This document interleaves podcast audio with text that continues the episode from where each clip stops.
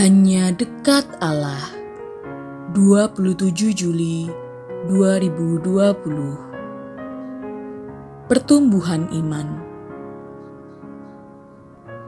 Di tepi sungai-sungai Babel, di sanalah kita duduk sambil menangis apabila kita mengingat Sion.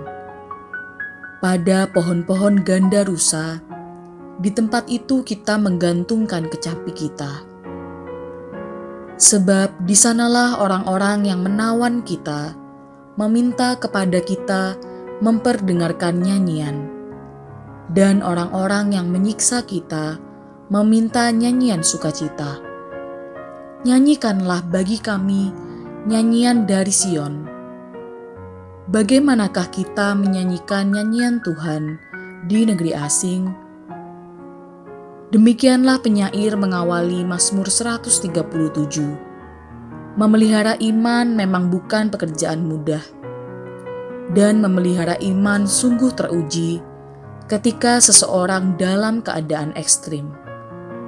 Itulah yang terjadi dalam diri orang-orang buangan. Di Babel, mereka diminta untuk mengumandangkan nyanyian-nyanyian Sion. Tak mudah memang, akan tetapi, sejarah membuktikan bahwa umat Israel di Babel ternyata mampu mempertahankan imannya.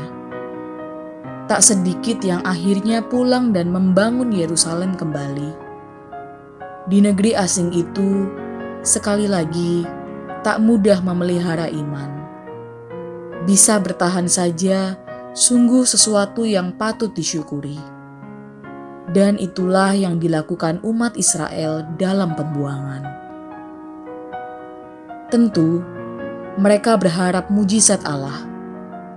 Namun mujizat sebenarnya ialah kala mereka tetap bertahan dalam iman mereka. Pertumbuhan iman dalam situasi dan kondisi ekstrim merupakan mujizat sebenarnya. Pertanyaannya sekarang, masih bertumbuhkah iman kita di tengah pandemi ini? Salam semangat dari kami, literatur perkantas nasional, sahabat Anda bertumbuh.